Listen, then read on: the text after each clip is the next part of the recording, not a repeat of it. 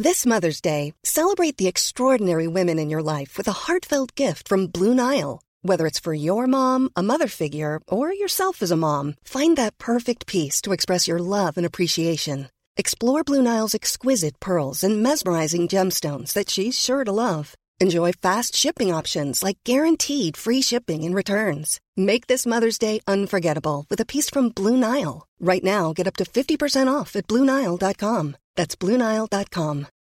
Since 2013, Bombas has donated over 100 million socks, underwear, and t shirts to those facing homelessness.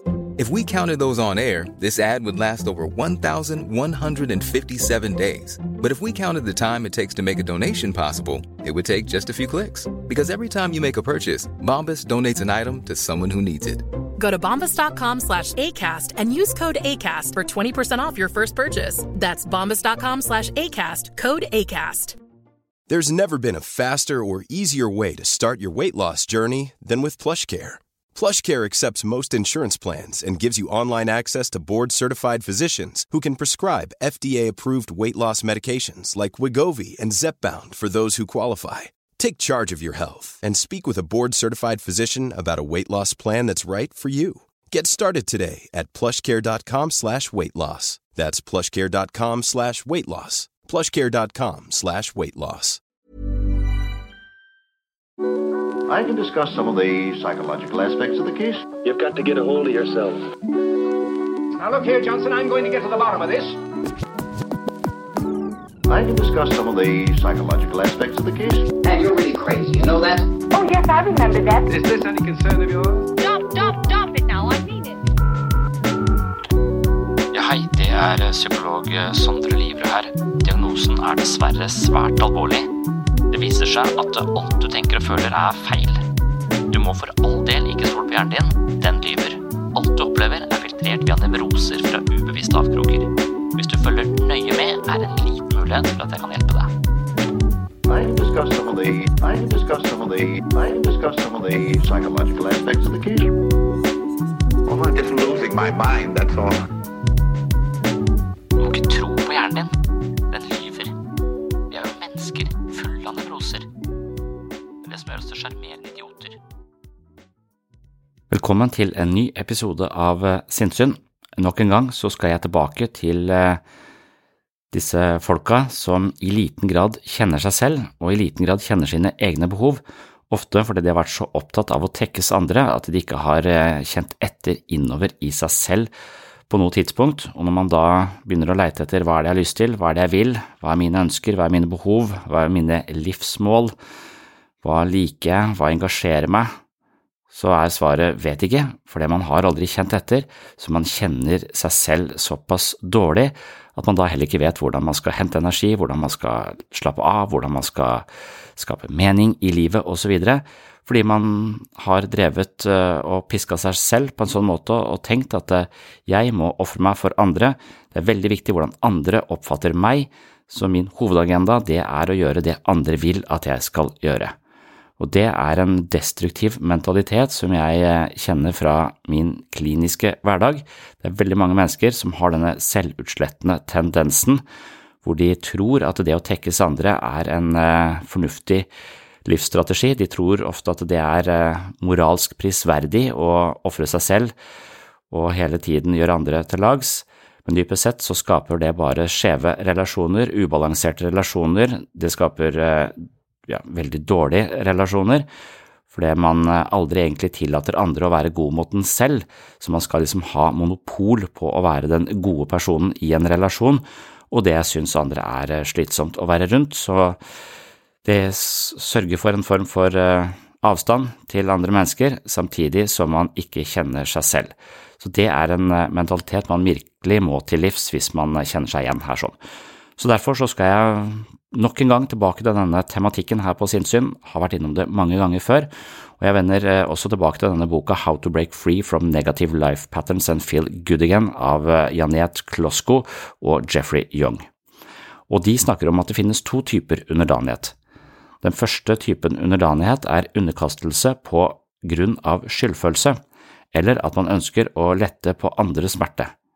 Den andre typen er underkastelse fordi man forventer avvisning, motangrep eller å bli forlatt hvis man ikke føyer seg etter andre mennesker. Og det kan oppsummeres på denne måten her. Selvoppofrelse, altså underdanighet som følge av skyldfølelse. Her føler man seg ansvarlig for andres ve og vel. Kanskje har du som barn fått mye ansvar for et familiemedlem eller en annen person.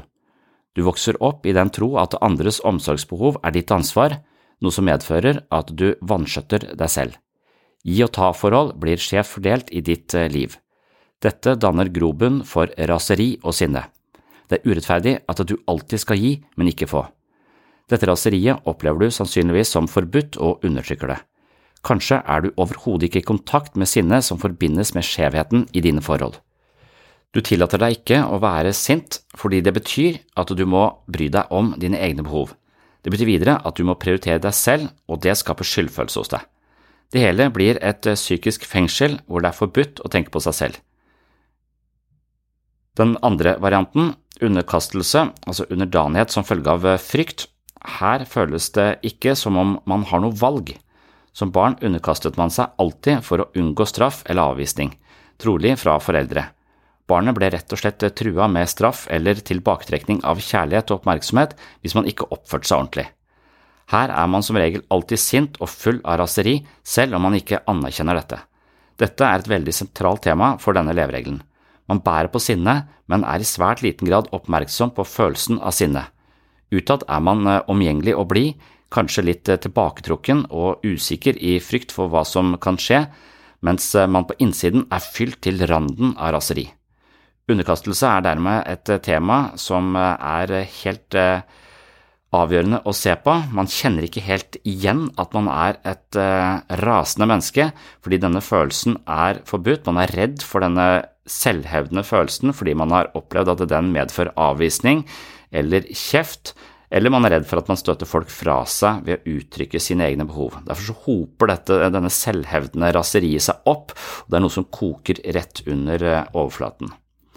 Så personer med denne leveregelen beskriver seg selv sjelden eller aldri som sinte eller frustrerte over andre eller tilværelsen. Så hvis du spør de om ja, ble ikke forbanna da? Nei, nei, ble ikke, ble ikke sint. Så er de ofte avvisende til denne kraftige følelsen som de dypest sett er ganske redd for, men egentlig har i overflod av i eh, et eller annet ubevisst reservoar av uh, alt det som har uh, hopa seg opp, alle de gangene de har sagt ja, men mente nei, og alle gangene de har gått på kompromiss med egne behov for å tekkes andre. Og det sinnet det kan være ganske kraftfullt, og dermed også noe man frykter ganske mye. Så disse folka er som regel ikke i kontakt med følelsen av irritasjon eller frustrasjon, og det er på mange måter essensen i hele problemet. Kraftige følelser kan være med på å gi en person styrke til å hevde seg selv og si sin mening. Dessverre ser det ut til at eh, underdanighetsleveregelen responderer med masse skyldfølelse hver gang man slipper til en frustrasjon eller hevder sin mening. Dersom denne leveregelen passer for deg, vil det absolutt være best om du lærer deg å takle skyldfølelsen og fortsetter å stå på ditt uansett. I noen tilfeller kan personer med denne leveregelen risikere at det undertrykte sinnet siver ut på uheldige måter, og da er vi over i den tematikken som eh, dreier seg om passiv aggresjon. Så ofte så uttrykkes irritasjon på en slags passiv måte uten at man er klar over det. Så når man har mye sinne inne i seg som man ikke vil ta eierskap til, eller ikke vil vedkjenne seg, eller ikke makter å vedkjenne seg, derfor så er det mer eller mindre ubevisst til stede der, så vil sinnet av og til sive ut på passive måter som man selv kanskje ikke er klar over, men som andre vil kjenne på som en grad av fiendtlighet, men litt sånn diffus fiendtlighet som man ikke helt klarer å sette fingeren på. Passiv aggresjon er jo regna som en forsvarsmekanisme, hvor man rett og slett får eh, uttrykt en følelse uten at man trenger å vedkjenne seg den eh, aggresjonen som ligger eh, bak et eh, utspill. Og I så fall kan man risikere at personer rundt en kan bli irriterte, men for de som er rundt, så er det vanskelig å avgjøre for andre hvorvidt en passivt aggressiv person mener å irritere. Slik passiv aggresjon kommer ofte til uttrykk gjennom baksnakking, det å bryte avtaler bevisst eller stadig vekk eh, si at man eh, ikke mente det man sa, unnskylde seg selv, det kan være man trenerer en sak, jobber litt langsommere, Altså det er, eller kommer med sånne små sleivspark som man egentlig sier 'jeg mente ikke noe med det', nei, det var ikke, det var ikke vondt ment, og så ligger det et eller annet under der og ulmer likevel. Så hvis man f.eks. i gruppeterapi kommer til å krenke noen, og de ikke vedkjenner seg at de ble irriterte, så kan den passiv-aggressive strategien være å ikke dukke opp til neste gruppemøte. Og Sånn kan det være på en jobb også, at man sier ja til noe, og så er man egentlig irritert for at man blir spurt om å gjøre akkurat det, så istedenfor å gjøre den jobben man har sagt ja til på en god måte, så gjør man det langsommere eller leverer ikke til frister osv. Så, videre. så det kan være denne passivt aggressive måten å sparke tilbake på når man ikke klarer å hevde egne behov. Så passiv aggresjon er også da lista som en type psykologisk forsvarsmekanisme, altså. Det er mye å si om uh, den skjulte måten å uttrykke sinne på, men uh, i denne episoden vil jeg nøye meg med en kort oppsummering her, uh, fordi jeg har jo laget en helt egen episode om passiv aggresjon tidligere i katalogen her på Sinnsyn. Så hvis passiv aggresjon er noe som interesserer deg, så må du bare tilbake i katalogen og sjekke det ut der. Men personer som forvalter følelser på en passiv måte, håndterer emosjonelle konflikter, ytre eller indre stressfaktorer ved indirekte og uten selvhevdelse å uttrykke aggresjon mot andre. Det er en fasade av tilsynelatende velvilje som maskerer en skjult motstand mot andre. Passiv aggressivitet opptrer ofte som resultat av krav om selvstendig handling eller opptreden, eller når andre har skuffet personens ønsker eller opplevelser av å være berettiget til å bli tatt vare på, uansett om personen har tilkjennegitt dette ønsket eller ikke. Det var kanskje litt kronglete formulert, men det dreier seg om at man ofte forventer noe av andre, og når de ikke tilfredsstiller disse forventningene, så blir man uh, irritert, men man vedkjenner seg ikke denne irritasjonen, og det er da denne passivt aggressive oppførselen kommer. Eller hvis man da gir andre ansvar, oppgaver osv. som de selv føler er urettferdige eller de ikke kan takle osv., så, videre, så istedenfor å si nei til uh, den oppgaven eller forklare hvorfor de mener de ikke klarer å løse den oppgaven eller bør ha den oppgaven, så sier de ja, men da altså begynner dette passivt aggressive spillet, hvor de enten trenerer oppgaven, eller lar være å gjøre den, eller gjør den for langsomt, et eller annet sånt, noe som, denne, som en slags passiv motstand mot det som da har, de da har fått i fanget. Så personer som bruker passiv aggresjon, har lært å forvente straff, frustrasjon eller skuffelse hvis han eller hun uttrykker sine følelser eller behov direkte til en som har makt eller autoritet. Så dette her skjer ofte i en eller annen sånn uh, balansert eh, maktforhold, hvor man føler at andre står litt over, og derfor så vil man heller ikke klare å si eh, eventuelt si nei direkte, noe som da speiler denne relasjonen man kanskje hadde til foreldrene sine. Så denne forventningen og er også denne passiv aggressiviteten er da ofte mest uttalt i hierarkiske relasjoner. Fiendtlighet uttrykkes passivt gjennom en holdning om at personen er berettiget til nettopp det han ikke ber om, eller at det skal tas spesielt hensyn til ham eller hun. Så man mener altså at man har eh, krav på ting, og man tenker at andre burde forstå det, men eh, man sier ikke noe om det. Så når man da ikke sier noe om det, så føler man seg misforstått, selv om man egentlig aldri har uttrykt hvilke behov man har. Så ved passiv aggresjon øh, synes følelsen av irritasjon og syde under overflaten men man erkjenner sjelden dette sinnet. Dermed siver det ut som en type negativ stemning som legger seg som en mørk sky over våre mellommenneskelige forhold. Man risikerer å frastøte seg andre mennesker uten at man selv er klar over dette, og andre kan heller ikke sette fingeren på hva de opplever som er ubehagelig i nettopp denne relasjonen. Det som skjer, er at det undertrykt sinne finner sin skjulte vei til overflaten og forpester det mellommenneskelige terrenget. I så henseende kan man forfekte at psykisk sunnhet handler om å oppøve evnen til å ta ansvar for egne følelser og uttrykke de på en åpen måte uten at det ødelegger forholdet til andre mennesker. Så her er nok et eksempel på hvor viktig det er å uttrykke sine behov. Hvis man tenker at det er eh, galt å ta hensyn til egne behov eller uttrykke egne behov, så har man de jo likevel, og når man ikke uttrykker de, og andre da ikke kan se eh, hvilke behov man har, og heller ikke da kan tilpasse seg disse behovene, så vil man ofte oppleve at folk eventuelt trår over grensene eller virker hensynsløse, rett og slett fordi man ikke har eh, synliggjort sine behov. Og så kommer denne irritasjonen opp, denne irritasjonen er forbudt, så den undertrykkes, og så siver den ut, og så forpester den hele relasjonen. Så det er svært viktig å uttrykke behovene sine og sette grenser og hevde seg selv for å skape gode, balanserte relasjoner, men det er nettopp dette som er problemet ved denne underdanige, negative leveregelen og denne selvutslettende psykologien. Så med den innledningen så skal jeg spille av et klipp fra et foredrag hvor jeg dykker ned i denne selvutslettende personligheten enda mer, og en del av problemet her er jo at man eh, i liten grad kjenner egne behov, fordi man er så opptatt av å tekkes andre, og man kjenner ikke engang sin egen eh, irritasjon og aggresjon når man eh, møter motstand eller blir dårlig behandla eller andre ikke tar hensyn til en, ofte fordi man ikke vet hvilke behov man har, så er det også vanskelig å, uttrykke de behovene, og da blir det også vanskelig å skape mening i eget liv. Det blir vanskelig å finne livsprosjekter som er engasjerende. Det blir vanskelig å finne en retning hvis eh, man eh, stort sett har vært drifta av å tekkes andre eller finne ut av hva mener andre at jeg burde gjøre, hva mener andre at jeg burde ha sagt eller gjort, og hvis det hele tiden er motivasjonen, så blir man veldig passiv, man blir noe som utfører andres kommandoer istedenfor å skape sitt eget liv.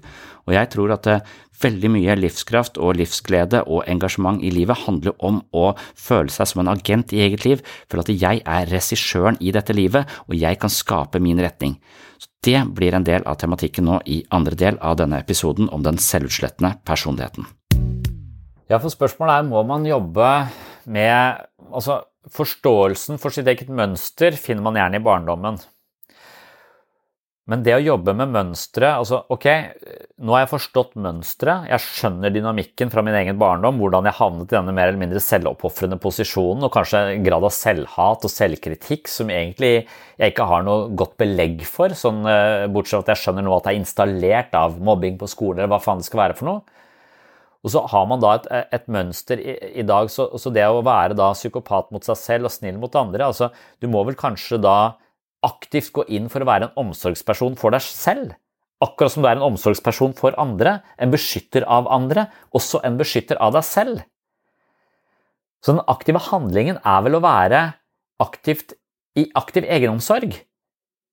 Og det sitter langt inne for folk fordi de tror på tankene sine. De tror ikke de er verdt det. De tror at de ikke fortjener det.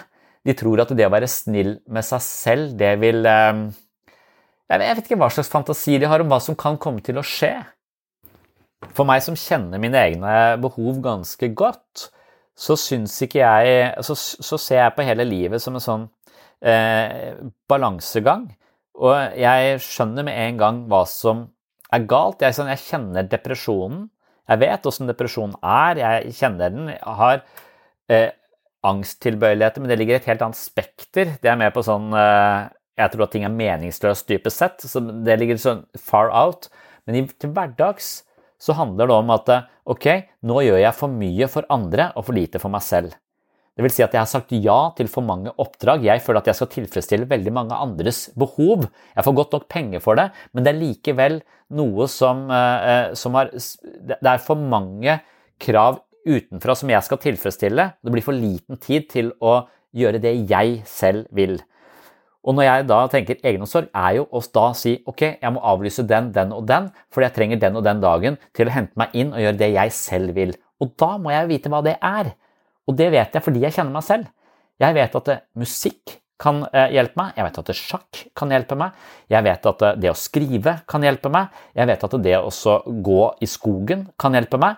Jeg vet at alle disse tingene her gir meg en grad av eh, det er, det, det, For det første så definerer jeg det som verdifullt. Og jeg definerer det liksom som, eh, som en slags belønning. Mange, mange er flinke til å definere røyk som belønning, eller alkohol som belønning. Litt på samme måte definerer jeg ting som ikke nødvendigvis er direkte skadelige for meg, selv om jeg også definerer alkohol som belønning.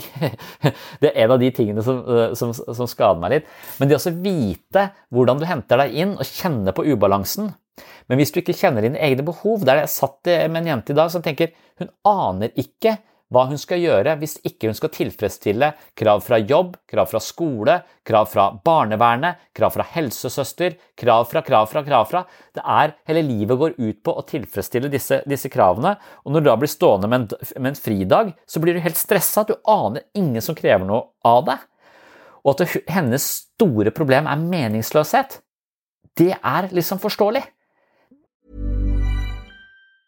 Hi, I'm Daniel, founder of Pretty Litter. Did you know cats tend to hide symptoms of sickness and pain? I learned this the hard way after losing my cat, Gingy. So I created Pretty Litter, a health monitoring litter that helps detect early signs of illness by changing colors, saving you money and potentially your cat's life. Pretty Litter is veterinarian developed, and it's the easiest way to keep tabs on your fur baby's health right at home. Go to prettylitter.com and use code ACAST for 20% off your first order and a free cat toy. Terms and conditions apply. See site for details.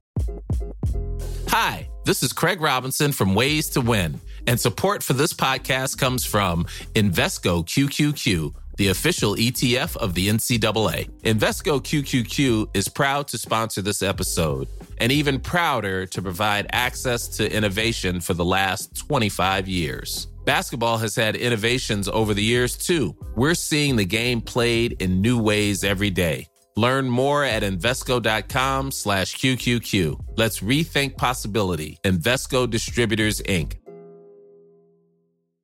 Hey, Dave. Yeah, Randy. Since we founded Bombus, we've always said our socks, underwear, and T-shirts are super soft. Any new ideas? Maybe sublimely soft. Or disgustingly cozy. Wait, what? I got it. Bombus. Absurdly comfortable essentials for yourself and for those facing homelessness. Because one purchased equals one donated. Wow, did we just write an ad? Yes. Bombas. Big comfort for everyone. Go to bombas.com slash ACAST and use code ACAST for 20% off your first purchase.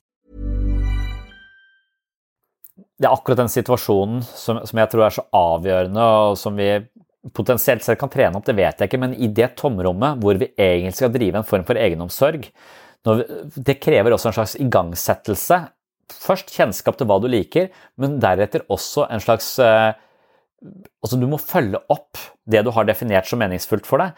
Og da, hvis det er vanskelig å komme i gang, så er det veldig lett å sitte med mobilen, og da føler jeg egentlig at du legger ut din egen oppmerksomhet på anbud til tilfeldige eh, aktører som dukker opp på skjermen din, og som liksom Ja, så du har ikke klart å bruke din egen oppmerksomhet eh, nå. Da skal vi stjele den, for vi kan tjene penger på den. Så nå har du solgt den oss. Du prostituerer deg uten å få noe for det. Altså, du, du, du selger din egen oppmerksomhet. Egentlig så gir du den bort. En slags veldedighet til de rikeste folka i verden som tjener penger på din oppmerksomhet. Fordi du har ikke tatt og, og, og brukt den eller eid den, da. Og det er liksom så farlig i dag at vi havner i den passiviteten. Men, men jeg tror den passiviteten er tiltagende vanskelig å havne i hvis du er dårlig på egenomsorg fra før. At det er en, virkelig en no, Det burde vært kurs i det. Men så er hele livet vårt går ut på å bli målt og veid og tilfredsstille ytterkrav. krav. Fra vi begynner på skolen, så skal vi prestere der, der, der, der, der. Så vi skal hele tiden måles opp med disse ytre kravene, så at vi ikke helt vet hva som driver oss. Den frie leken, på en måte. At den, den er så antidepressiv. Og jo mindre du eh, tillater folk å være i fri lek og kreativ utfoldelse, jo større sjanse er det at vi havner i en dyp og meningsløs depresjon senere i livet. Og det er jo livsfarlig. Så igjen, da, da, lever du med en slags eh, indre tyrann som sier at hvis du skal gjøre noe som egentlig er bra for deg, f.eks. å male eller uttrykke deg kreativt, så må det være perfekt. Og jeg sitter og, og eh, følger med. Og det du presterer nå, er i hvert fall ikke perfekt. Så du, du, du, får, du, får, bare kritikk ut av det. Og det er der vi liksom Ja, det vi snakket om sist, at vi lever eh, i et slags eh, diktatur, et regime som, som vil kritisere oss nesten uansett hva vi, hva vi gjør. Fordi det har satt standardene på et nivå som er helt umulig å, å forholde seg til. Og, og fordi vi har adoptert de standardene altså, for stor grad sammenligner oss med ting utenfor. Det er en klisjé at vi skal ikke sammenligne oss med andre, vi skal sammenligne oss med den vi selv var i går. på en måte. Vi, men det å legge lista, lista, der nede er ikke så, så lett. Men er det et valg vi kan aktivt gjøre, tro? Er det noe vi kan gå inn for? og avkode, fordi vi skjønner at, det, at det perfeksjonisme er et ideal som eh, er like edelt som eh, et Taliban-regime. Altså, det er rett og slett ikke et bærekraftig eh, verdisystem. Og det er i hvert fall ikke et lekent og kreativt verdisystem. Det er, det er et verdisystem som vil, vil kneble enhver bevegelse. For du vil aldri kunne leve opp til perfeksjon uansett. For perfeksjon er jo For det første så eksisterer vel nesten ikke. Du kan vel alltid gjøre noe bedre. Det er veldig få ting som, enten, som er perfekte. Det kan alltid bli litt, litt bedre. Hvis vi satt der nå, så fikk jeg også melding på te telefonen at eh, nå kommer DHL, eller hva de heter, de der som kjører ut eh, med sånne pakker til, til folk. De, eh, de, parkerte et sett med gitarer i garasjen min. Og jeg har alltid vært opptatt av musikk. Musikk gir meg veldig mye, men jeg hører på musikk. Jeg hører gjerne på plater. Men jeg har aldri lært å spille, mens resten av familien min er ganske musikalske, så de spiller alt mulig, mulig rart, men jeg har aldri lært meg det. Og så nå er jeg over 40 og nå har jeg kjøpt gitar, men til meg selv og barna. Så jeg har tenkt å lære å spille sammen med de. Og så har jeg tenkt til å en, uh, finne en sånn nei, gitarlærer som liksom kan lære meg og barna dette her. Også at vi kan gjøre det sammen, så det er meningsfullt fordi jeg gjør det sammen med noen. Men, men samtidig så er det jo Jeg skjønner at det er for seint å bli rockestjerne. Selv om jeg hadde hatt lyst til å være rockestjerne. Men er det for seint å klare å kompe til noe av den musikken som gir meg så mye glede bare ved å høre på det. Altså, så Målet mitt er jo å på et eller annet tidspunkt kunne kompe til en sang av eh, Kaiser Orkestra. Så ingen skal høre dette, for guds skyld. Men jeg tror det vil eh, jeg tror jeg har nok entusiasme rundt det til å knytte ganske mye mening til, eh, til det. Og så hjelper det altså den materielle delen av det. altså At jeg nå har kjøpt en gitar som jeg syns koster litt. Altså som jeg nå har kjøpt ganske mange plater av Jan Ove Ottesen til ganske dyre summer. Altså nå har jeg, nå har jeg kjøpt de platene, nå er jeg forplikta til å høre på de. Fordi at jeg har brukt penger på det, så det hjelper meg å forplikte meg til å holde på en kurs. Men hvis jeg ikke kjøper de platene, ikke jeg kan bare høre på det på Spotify, så er sjansen for at jeg bare hører de to mest spilte sangene, for så bare gå ut på et eller annet, drit på, eh, som bare tilfeldigvis dukker opp i feeden på Spotify, da.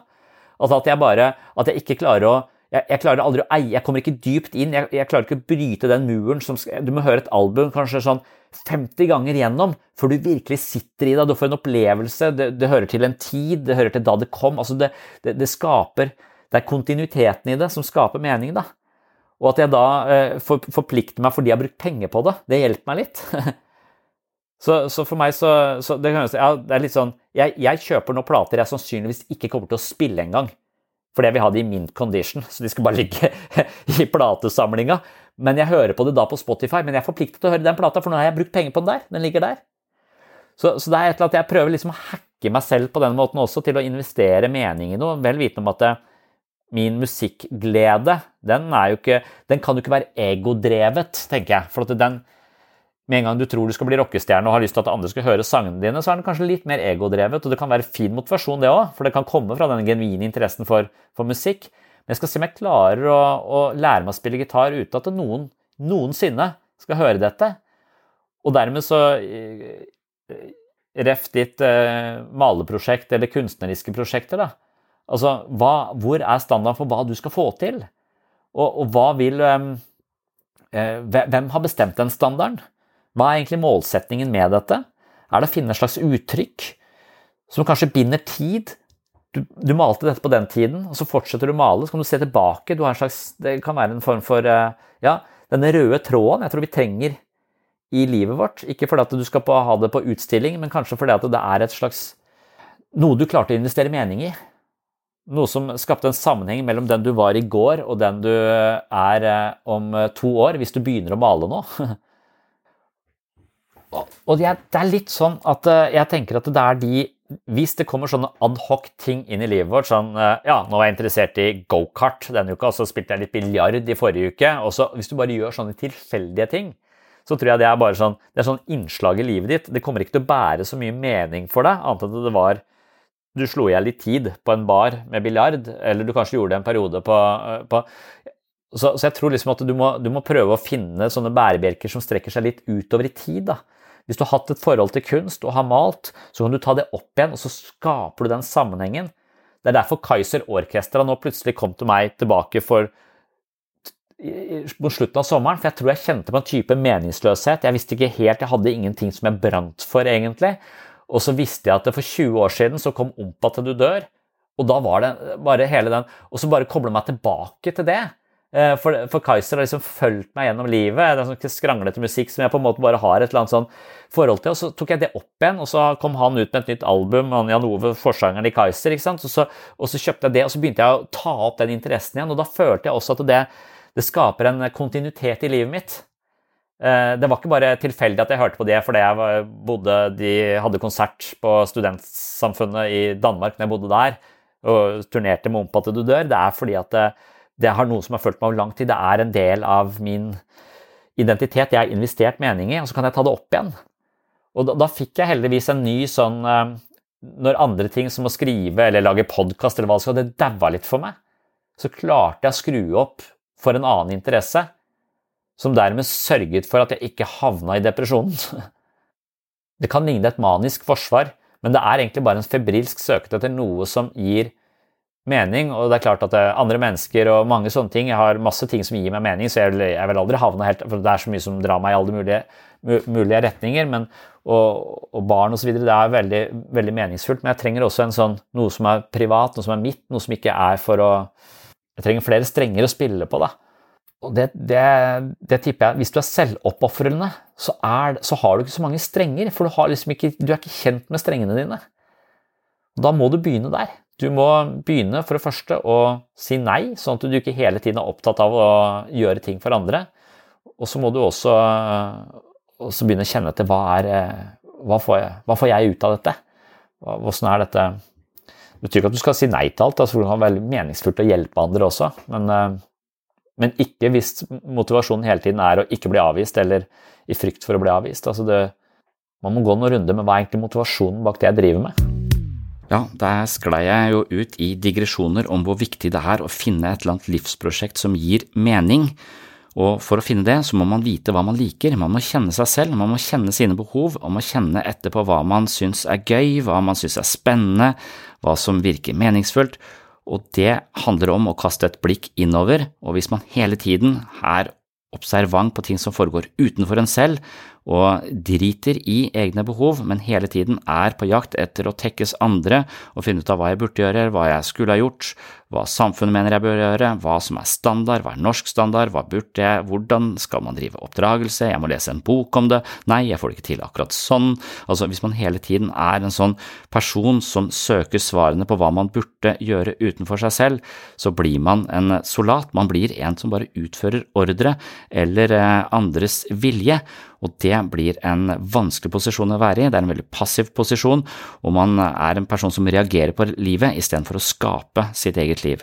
Og det tror jeg er så ekstremt viktig, og med denne underdanige leveregelen så er det et problem. Så her, når man sliter med dette her, så må man virkelig prøve å sette grenser, kjenne etter på egne behov, og hvis man ikke vet hva slags behov man har, eller hvor man skal sette grensene, så må man bare begynne et sted, sette opp et gjerde rundt huset ditt og finne ut om det er greit, om det er en passe stor hage, eller om du må justere litt underveis.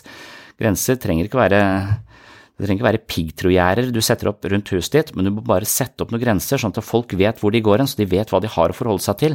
Du tror at det kanskje vil sørge for at folk kommer til å avvise deg eller bli sint på deg, men dypest sett så vil det på lang sikt være det som styrker relasjonene dine til andre, det som gjør at du har noen behov som andre kan uh, tilfredsstille innimellom, og det er veldig godt for andre å være en person som også kan være til hjelp eller eh, komme til unnsetning. Å være et godt menneske, det betyr at vi kan gjøre noe for andre. Men hvis andre nekter å si hva de ønsker, eller hva slags behov de har, eller hvor grensene går, så er det veldig vanskelig å være i den posisjonen hvor man skal gjøre noe for andre. Så det å ta imot hjelp eller eh, få omsorg fra, andre, det er eh, ekstremt viktig, spesielt for disse som sliter med denne selvutslettende personligheten. Men man må ikke forvente at det kommer uten at man sier hva man har behov for. Hvis man holder sine behov skjult, så vil det aldri komme, og da vil man være i den kroniske, skuffede posisjonen hvor man føler at man gjør alt for alle andre, men ingen gjør noe for meg. Og, den, eh, så sier man men det er helt greit, jeg er vant til at det er sånn. Når man sier det der, så er det for når man ikke er i kontakt med det sinnet som oppstår når det er skjevhet i relasjoner, og da vil man stå i fare for å heller bli denne passivt aggressive personen som driver og sprer gift i relasjonene sine uten at man egentlig er klar over det. Så det var eh, det jeg ville si i dag, men som sagt så har jeg laget mange episoder om dette. Dette tror jeg er den tredje rekka her på den åpne podkasten nå. Jeg har også eh, snakket om denne tematikken tidligere her på den åpne podkasten. Og hvis tematikken om underdanighet og selvoppofrelse interesserer deg, så kan du også dykke ned i denne materien på min Patron-konto. Der finner du blant annet episode 50 som heter Selvhevdelse og lekeslåssing, og episode 51 som heter Hvor går grensa? Så på Patron kan du altså abonnere på Sinnsyns mentale treningsstudio, og som abonnent av Sinnsyn får du tilgang til masse ekstra episoder av Sinnsyn, bøkene mine som lydbøker, meditasjonsveiledning, masse videoforedrag og mye mer. Der får du også en del øvelser som handler om hvordan skal jeg sette denne teorien ut i praksis. Så hvis man for eksempel sliter med manglende selvhevdelse, hvordan skal jeg bli mer selvhevdende, hva skal jeg gjøre? Og blant annet, som jeg nevnte i denne episoden, så skal du tåle den skyldfølelsen som dukker opp hver gang du hevder dine behov eller sier din mening, på en litt sånn direkte måte. Da vil det følges eller bli strupes av skyldfølelse som regel, og så vil du eh, bare trekke deg tilbake igjen. Men det å stå og tåle den skyldfølelsen og forstå at den skyldfølelsen det er et ekko fra eh, barndommen hvor det ble på en eller annen måte forbudt å uttrykke seg, eller man ble avvist eller fikk kjeft osv., så, videre, så vil man få en skyldfølelse og tenke at jeg er ikke verdt noe, jeg har ikke på en måte, mine meninger har ikke livets rett, og så holder man de for seg selv. Men dypest sett så mener man kanskje at de har livets rett, og så bare driver man og undertrykker de, og så er det denne aggresjonen som da flasker seg opp og kan bli ganske eksplosiv. Så der er det mye å hente, og det er ikke så helt uvanlig at man har en grad av selvutslettende tendenser. Det er jo liksom litt sånn akseptert i samfunnet også, eller kanskje litt sånn eh, sett på som prisverdig å ofre seg selv eh, for å hjelpe andre. Og det er selvfølgelig en fin ting, det er fint å ta hensyn til andres behov, det er fint å hjelpe andre, det er fint å ofre seg for andre, men det, man skal passe på at man beholder en viss balanse, sånn at man ikke blir den som alltid hjelper andre, men aldri får noe tilbake igjen. Det er ikke godt for deg selv, og det er ikke godt for andre. Så hvis du vil eh, dykke mer ned i den materien der sånn, så kan du også gå til patron.com og finne episode 50 og episode 51. Og så vil jeg bare på tampen takke alle dere som allerede er Patron-supportere. Det er lyttere som dere som sørger for at jeg kan prioritere dette prosjektet og lage nye episoder her på Sinnsyn, den åpne podkasten, og på Patron eh, Sinnsyn hver eneste uke. Så tusen hjertelig takk for den støtten dere gir dette prosjektet, det betyr veldig, veldig mye. Oh, I'm just losing my mind, that's all.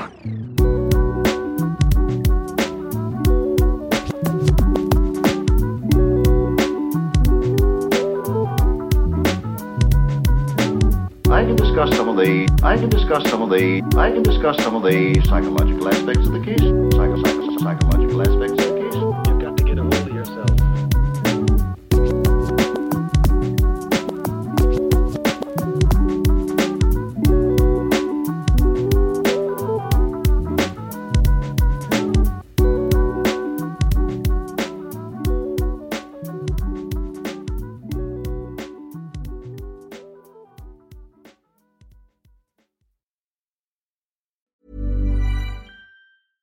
A lot can happen in the next three years. Like a chatbot may be your new best friend. But what won't change? Needing health insurance. United Healthcare Tri Term Medical Plans are available for these changing times. Underwritten by Golden Rule Insurance Company, they offer budget friendly, flexible coverage for people who are in between jobs or missed open enrollment. The plans last nearly three years in some states, with access to a nationwide network of doctors and hospitals. So, for whatever tomorrow brings, United Healthcare Tri Term Medical Plans may be for you. Learn more at uh1.com. Hey, it's Paige DeSorbo from Giggly Squad. High quality fashion without the price tag? Say hello to Quince. I'm snagging high end essentials like cozy cashmere sweaters, sleek leather jackets, fine jewelry, and so much more. With Quince being 50 to 80% less than similar brands. And they partner with factories that prioritize safe, ethical, and responsible manufacturing. I love that. Luxury quality within reach. Go to quince.com slash style to get free shipping and 365 day returns on your next order. Quince.com slash style.